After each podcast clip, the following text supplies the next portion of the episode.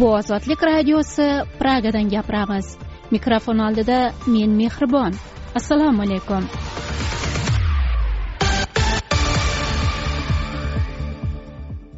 Bugun dasturimizda to'rt milliard dollarlik o'zbekiston gtl zavodini qurayotgan minglab ishchi g'alayon ko'tardi. Xususiy bandlik agentliklari faoliyatiga o'zgartirish kiritilmoqda. Agentlik rahbarlari bundan norozi. Qirg'izistonda abu sahiy bilan hamkorlik qilgan rayim million korrupsiyada ayblanib qamoqqa olindi. Tafsilotlar uchun to'lqinlarimizda qoling.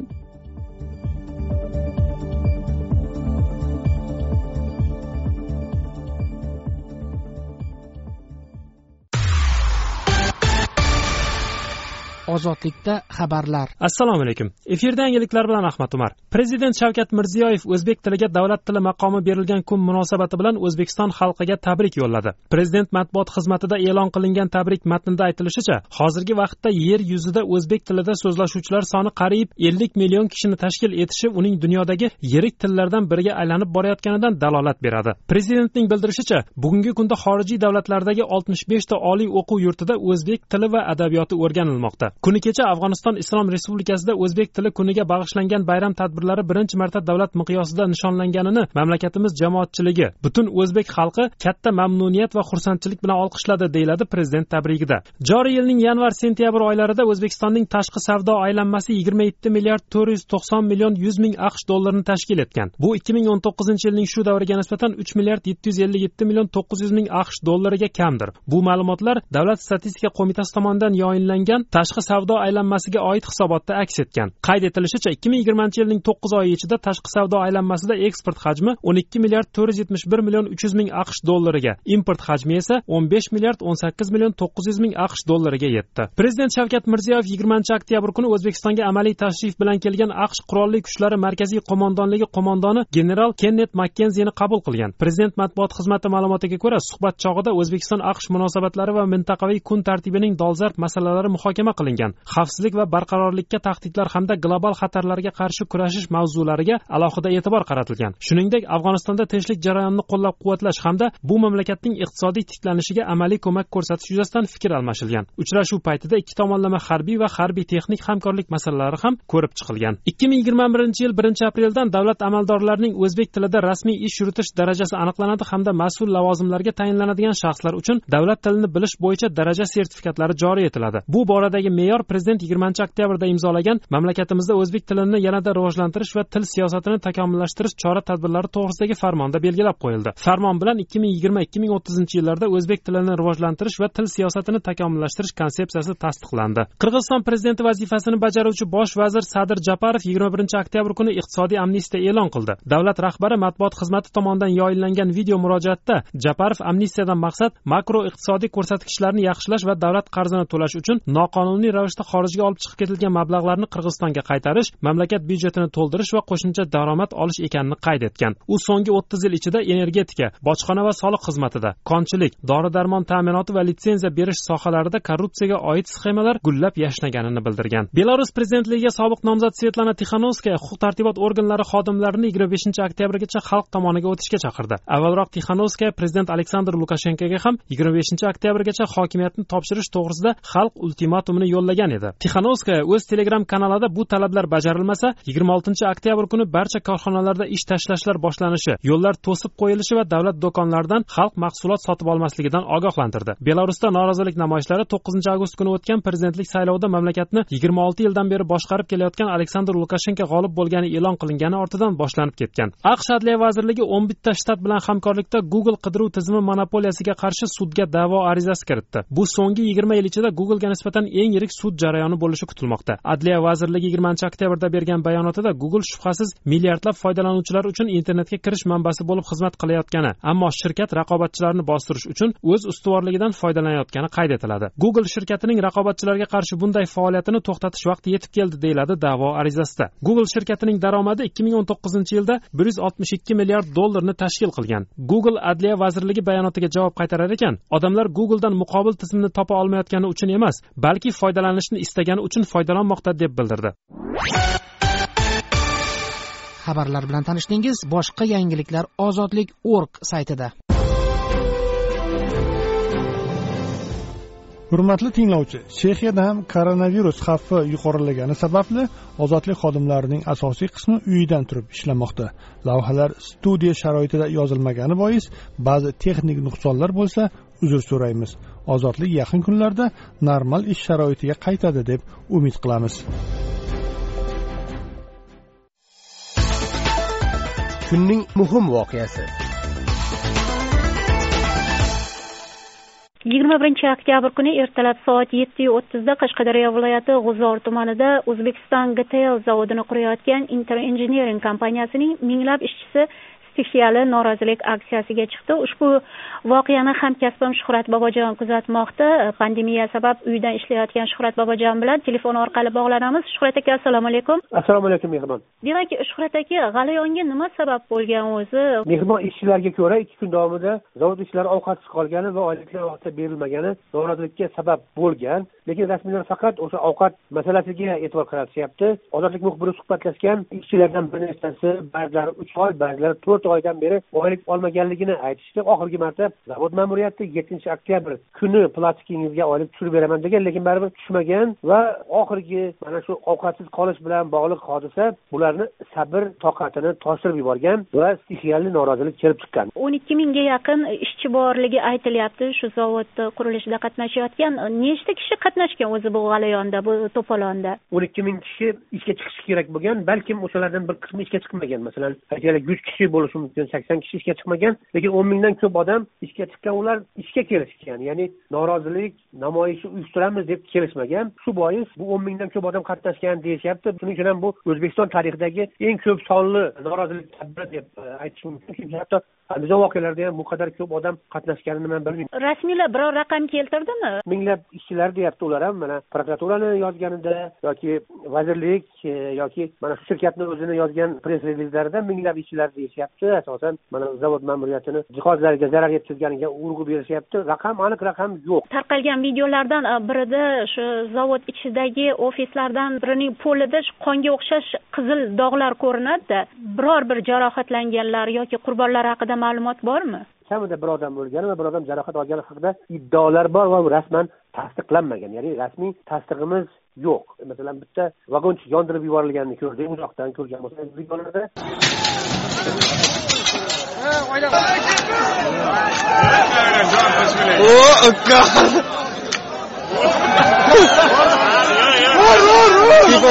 kerak edi shunday talon taroj qilingan ya'ni sindirilgan buzilgan vayron qilingan zavod ofisi e, rasmiy ma'muriy binosi ostin ustun qilingan. Bu g'alayonda qatnashganlari taqdiri nima bo'ldi? Endi eng so'nggi yangiliklarga ko'ra ularni bir qismini avtobuslarga solib olib ketishayotgan bo'lganda bular avtobus oynalarini sindirib qochib ketishgan ozodlik tasarrufida ularni o'sha qir adirlarga qochib ketayotgan rasm fotolari bor. Qolganlarini o'sha yerdagi yuklardan bo'shagan temir konteynerlarni ichini osib qamab qo'yishgan yana bir qismi majburan yotoqxonalarga qaytarilgan yotoqxonalarga milliy gvardiya ichki ishlar vazirligi va boshqa kuch tizimlarini harbiylari qo'yilgan o'sha yerda qurolli odamlar turibdi va bular nazoratga olingan. Endi eng muhim narsalardan bittasi ishchilarni noroziligini bosayotgan paytda ko'zdan yosh chiqaradigan gaz qo'llangan va ko'pchiligini qo'llariga kishan solib olib ketishga majburlab ur yiqit boshlangan ozodlik kunning ikkinchi yarmida kelgan rasmlarda zavod hududidan narida daralarga odamlar qochib ketayotgani aks etgan. Shuhrat aka siz aytib o'tdingiz ko'zdan yosh oqizuvchi gazlar qo'llandi deb bunga biror bir tasdiq bormi? Yo ishchilarni iddaosimi bu? Bu ishchilarni iddaosi ya'ni bir biridan mustaqil besh oltita ishchi ko'zimdan yosh oqdi deb foto videolarni yubordi bizga va hozircha rasmiy bayonotlarda bu haqda gap yo'q. Ya'ni norozilik bostirildi. Demak e, shuhrat aka siz bilan suhbatimiz yigirma birinchi oktyabr kuni toshkent vaqti bilan e, soat o'n to'qqizga yaqin bo'lyapti. Shu paytgacha biror bir rasmiy ma'lumot berildimi? Shu e, g'alayonda ishtirok etganlar bilan bog'liq hibslar borasida. Kunni birinchi yarmida men enter engineering shirkatini toshkentdagi bosh ofisi bilan gaplashdim. Ular g'uzordagi zavodda kelib chiqqan g'alayonga oshxona eshigi turniketi buzilib qolgani sabab bo'lganini aytishdi. Haqiqatdan ham kutubxonaga kiraverishdagi dahlizga juda ko'p sondagi odamlarni tiqilib qolgani va o'sha yerda norozilik boshlanayotgani haqidagi video ozodlikda mavjud. Endi bu sabablardan biri. Lekin kun davomida o'zbekiston bosh prokuraturasi bayonot chiqarib qashqadaryo viloyat prokuraturasi jinoyat ishi ochganligini ma'lum qildi. Bundan tashqari qashqadaryo viloyat hokimi zoir mirzayev bordi o'sha yerda. Bir muddat turdi lekin odamlar uni gapiga quloq solmadi joyini tark etdi. Ya'ni rasmiylar munosabat bildirdi lekin bu munosabatlarda ham hali tafsilotlar yo'q. Tushunarli. Demak e, shuhrat aka sizga katta rahmat. E, aziz tinglovchi g'uzordagi o'zbekiston e, gtl zavodida bo'lgan ushbu voqeaga doir tafsilotlarni albatta saytimiz orqali kuzatishingiz mumkin. Shuningdek ijtimoiy tarmoqlarda so'nggi tafsilotlar albatta yoritib boriladi. Ozodlik radiosi. O'zbekiston iqtisodiyot o'zbekistonda xususiy bandlik agentliklari to'g'risidagi qonunga kiritilgan o'zgartishlar shu faoliyat bilan shug'ullanuvchi agentliklarning noroziligiga sabab bo'lmoqda tafsilotlar bilan hurmat bobojon. O'zbekistonda xususiy bandlik agentliklari xizmatlar uchun to'lovlarni ish qidirayotgan shaxslardan emas balki ish beruvchidan undiradi. Qonunga kiritilgan bu me'yor kelasi oydan kuchga kiradi. Ushbu me'yor xususiy bandlik agentliklari ishga joylashtirish uchun odamlardan yuz foiz to'lovni undirib va'dasini bajarmagani bilan bog'liq o'nlab mojarolar ortidan qabul qilinmoqda.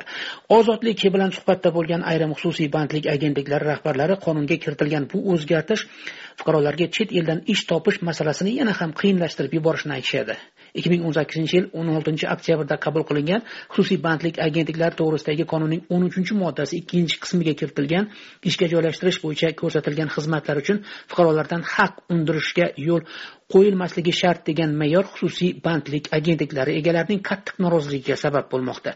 Toshkentda faoliyat yuritayotgan xususiy bandlik agentligi rahbarlaridan biri yigirmanchi oktyabrda ozodlik bilan suhbatda qonunga kiritilgan o'zgartishga o'z e'tirozini shunday ifodaladi. Bir ikki firibgarning dastidan deyarli hamma xususiy bandlik agentliklari barbod bo'lish yoqasiga kelib qoldi. Chunki mana shu qonun kuchga kirsa hammamiz tamom bo'lamiz.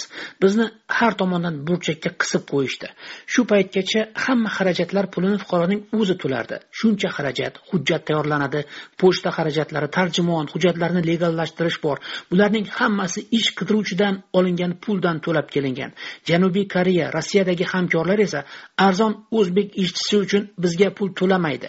Bizga pul to'lamasa ham rozi bo'lib kelganmiz shunga ham rahmat deb. Hozir birlashgan arab amirliklari bilan so'zlashuv qilyapmiz. Ular ham bandlik agentliklariga haq to'lashga rozi bo'lmayapti dedi agentlik rahbari. ikki ming o'n sakkizinchi yil o'n oltinchi sentyabrda qabul qilingan xususiy bandlik agentliklari to'g'risidagi qonunga kiritilgan o'zgarishlar o'n to'rtinchi noyabrdan kuchga kiradi.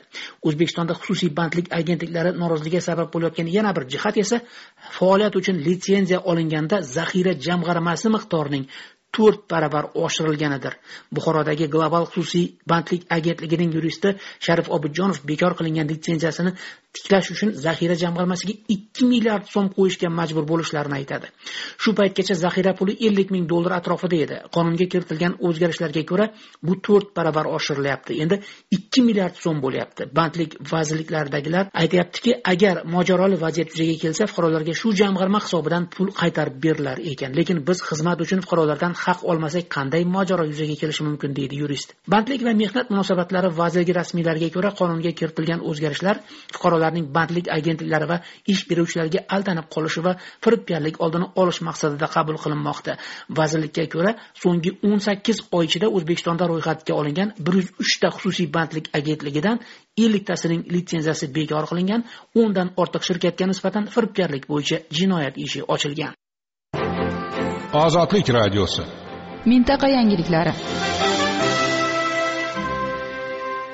qirg'izistonda abu sahiy bilan hamkorlik qilgan raim million korrupsiyada ayblanib qo'lga olindi. Yigirmanchi oktyabrda qirg'iziston bojxonasidagi katta miqdordagi korrupsiya bilan bog'liq jurnalistik surishtiruvlar bosh qahramoni bojxona xizmati raisining sobiq o'rinbosari raim matraimov qirg'iziston milliy xavfsizlik qo'mitasi tomonidan qo'lga olindi. O'sha kuni kechqurun raim matraimov bishkekning birinchi may tuman sudiga olib borilgan. Sud uni turar joyini tark etmaslik haqidagi tilxat asosida ozod qildi. Mavzu tafsilotlari bilan mikrofon oldida men sherzod. Ozodlik radiosi qirg'iz xizmati uyushgan jinoyatchilik va korrupsiya korrupsiyani tadqiq qilish dasturi hamda bishkekdagi klub axborot sayti ikki ming o'n to'qqizinchi yildan beri hamkorlikda o'tkazgan jurnalistik surishtiruvlar natijasida. Raim matraimov bir qator korrupsion sxemalar jumladan abu sahiy kargo shirkatiga aloqador korrupsion sxemalar orqali noqonuniy boyiganligini iddao qilib kelayotgan edi. To'rtinchi oktyabrda o'tgan parlament saylovlari ortidan boshlanib ketgan norozilik namoyishlari ortidan ozodlik manbalari abu sahiy shirkatining qirg'iziston janubidagi biznesi va yuk tashuvchi terminallari faoliyati savol ostida qolganini aytmoqdalar. Qirg'izistonda to'rtinchi oktyabrda boshlangan norozilik namoyishlari fonida o'shdagi xalqaro yuk tashuvchi yuzdan ortiq haydovchi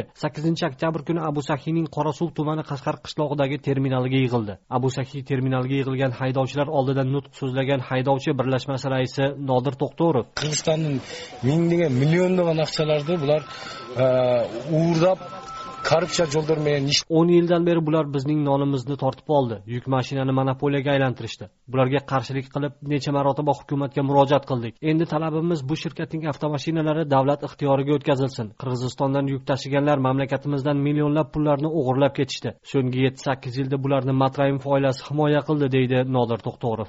Xavfsizlik yuzasidan o'z ismini oshkor qilinmasligini iltimos qilgan yuk tashish biznesiga aloqador manbaning aytishicha raim matraimovning qamoqqa olinishi to'g'risida xabar tarqalishi ortidan abu sahiyning o'sh viloyatidagi terminallardagi vaziyat keskin o'zgargan. Ya'ni o'sh viloyatidagi terminallarda abu sahiyga qarashli yuk tashuvchi mashinalar deyarli qolmagan. So'nggi voqealardan so'ng bu yerdan abu sahiyning hamma mashinalari chiqarib ketilgan. Abu sahiy rahbariyatidan shirkat qirg'izistonda yuzaga kelgan muammolar masalasida munosabat olish imkoniyati bo'lmadi. Mazkur shirkat rahbari sifatida xitoyda tug'ilgan etnik uyg'ur. Qozog'iston vatandoshi habibulla abduqodir nomi aytilgan. Ozodlikka o'z ismi oshkor qilinishini istamagan yana bir mustaqil manbaning aytishicha abu sahiy yuk tashuvchilari raim matraimov homiyligi ostida xitoydan toshkentgacha hech qanday to'siqlarsiz yetib borgan. Bu manba xitoydan qirg'izistonga yuk olib keluvchi shirkatlardan biriga aloqador. Masalan bizning yuk tashuvchi mashinalarimiz bojxonada diqqat bilan tekshiriladi. Bojxona terminaliga olib kirilgan har bir mashina uchun boj to'lovlarini hisobga olmaganda bir soatdan uch soatgacha bo'lgan muddatga o'rtacha qirq ellik dollardan haq to'laymiz. Abu sahiyning mashinalari esa umuman tekshirilmaydi. Ularni gai ham to'smaydi. Ular o'zbekiston chegarasidan ham navbatsiz o'tkaziladi va toshkentgacha yetib boradi. Bu jarayonda esa millionlab boj to'lovlari o'g'irlanadi. Bu masalani endi bojxona xodimlaridan so'rash kerak dedi manba. Ayni paytda ozodlikning hukumat doiralaridagi ishonchli manbalari abu sahiy shirkatining raim matraimov bilan munosabatlari nozik masala o'laroq qaralayotgani va bu shirkatning korrupsiyaga aloqadorligi to'g'risidagi iddaolarni tasdiqlash tergovning ishi ekanini ta'kidlamoqdalar. Ozodlikning huquq tartibot tizimidagi manbalari tergov siri sifatida hozircha ma'lumotlar ochiqlamasligini bildirdilar. Yangi farmon. Amaldorlar o'zbek tilini bilishi shart. Toshkentdagi reklama bilbordlarining oltmish foizini yil oxirigacha led ekranga o'tkazish talab qilinmoqda. O'ziga o't qo'ygan ayolning nizoli uyi zakot sifatida qaytarildi. Marhumaning onasi rozi emas.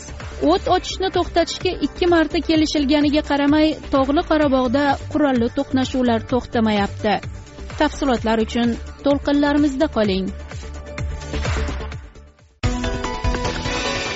O'zbekiston siyosat. Yangi qonunga ko'ra o'zbek amaldorlari endilikda o'zbek tilini bilishlari shart hisoblanadi. Tafsilotlar bilan men mehribon. Ikki ming yigirma birinchi yilning birinchi aprelidan davlat amaldorlarining o'zbek tilida rasmiy ish yuritish darajasi aniqlanadi hamda mas'ul lavozimlarga tayinlanadigan shaxslar uchun davlat tilini bilish bo'yicha daraja sertifikatlari joriy etiladi. Bu boradagi me'yor prezident joriy yilning yigirmanchi oktyabrida imzolagan mamlakatimizda o'zbek tilini yanada rivojlantirish va til siyosatini takomillashtirish chora tadbirlari to'g'risidagi farmonida belgilab qo'yilgan.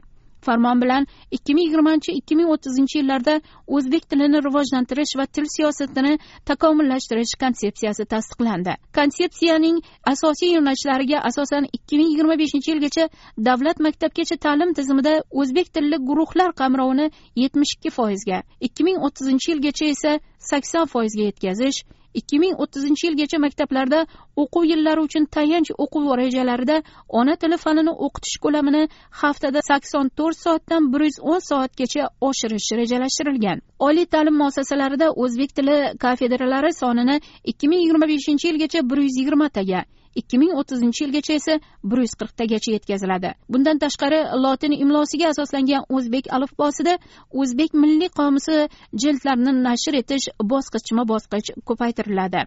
Vazirlar mahkamasi huzuridagi o'zbek tilini rivojlantirish jamg'armasi mablag'lari hisobidan o'zbek tilidan jahonning yetakchi xorijiy tillariga va xorijiy tillardan o'zbek tiliga tarjima qiluvchi kompyuter dasturi yaratiladi.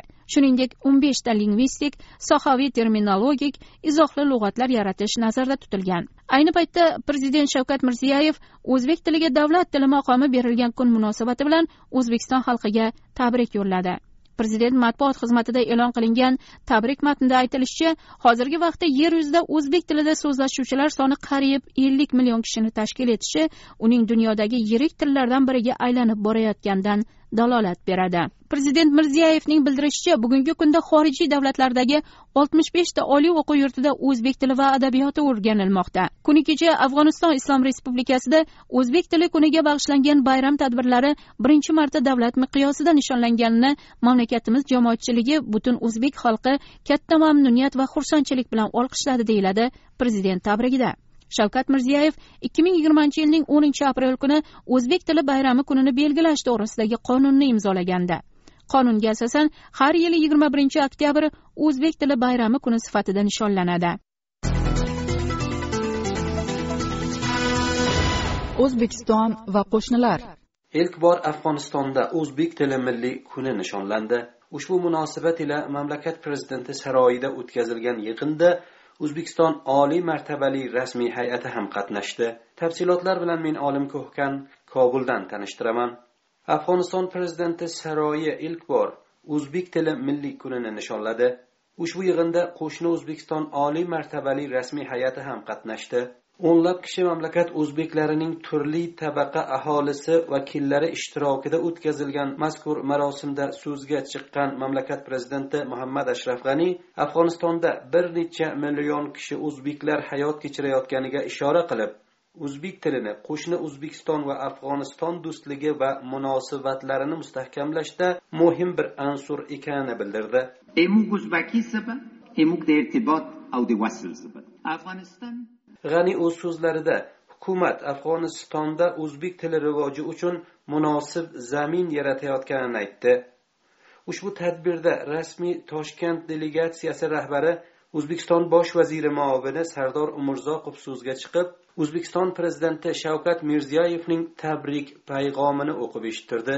Mazkur payg'omda o'zbekiston rahbari qo'shni afg'onistonda o'zbek tili milliy kuni davlat tomonidan nishonlanayotgani uchun minnatdorchilik izhor etgan. Umurzoqov o'z so'zlarida o'zbekistonliklar qo'shni afg'onistonda o'zbek tili kuni e'lon qilinganini katta qiziqish bilan kutib oldilar dedi. O'zbekiston jamoatchiligi afg'onistonda o'zbek tili kuni e'lon qilinganligi to'g'risida xabarni quvonch va yuqori ko'tarinkilik bilan qarshi oldi. Ushbu tantana o'zbek afg'on munosabatlari tarixida ko'chma o'chmas iz qoldirib madaniy ilmiy va gumanitar sohalarda hamkorlik aloqalarimizni katta burilish yasashiga ishonamiz. O'zbek tili milliy kuni afg'oniston bo'ylab etnik o'zbeklar hayot kechiradigan viloyatlarda ham keng ko'lamda bayram qilindi. Afg'oniston prezidenti muhammad ashraf g'aniy bundan taxminan bir yil oldin mezon oyining yigirma to'qqizinchi kunini afg'oniston bo'ylab o'zbek tili milliy kuni deya e'lon etgan edi. Mamlakat kalendari asosida aksar yillarda mezon oyining yigirma to'qqizinchi kuni o'zbek tili qo'shni o'zbekistonda davlat tili maqomiga ko'tarilgan kun ya'ni yigirma birinchi oktyabr bilan to'g'ri keladi. Joriy yil esa mezon oyining yigirma to'qqizinchi kuni yigirma birinchi oktyabrdan bir kun oldin kelgani uchun o'zbek tili milliy kuni afg'onistonda yigirmanchi oktyabrda nishonlandi. Ozodlik radiosi ijtimoiy hayot o'ziga o't qo'ygan ayolning nizoli uyi zakot sifatida qaytarildi. Marhumaning onasi bunga rozi emas. Shuhrat bobojon lavhasi o'ziga o't qo'yib bo'lgan namanganlik ayol yashagan uyga da'vogar ahadjon jo'rayev bu uyni zakot sifatida marhumning farzandlariga beraman degan mazmundagi dalolatnomaga imzo chekdi. Namangan shahar hokimligi mulozimi da'vogarga ajratilgani va u o'z navbatida da'vosidan voz kechib nizoli uyni o'zini yoqqan ayolning ikki yetim o'g'li uchun zakot sifatida berganligini aytdi. Advokatga ko'ra zakot dalolatnomasi o'zbekistonda yuridik kuchga ega emas.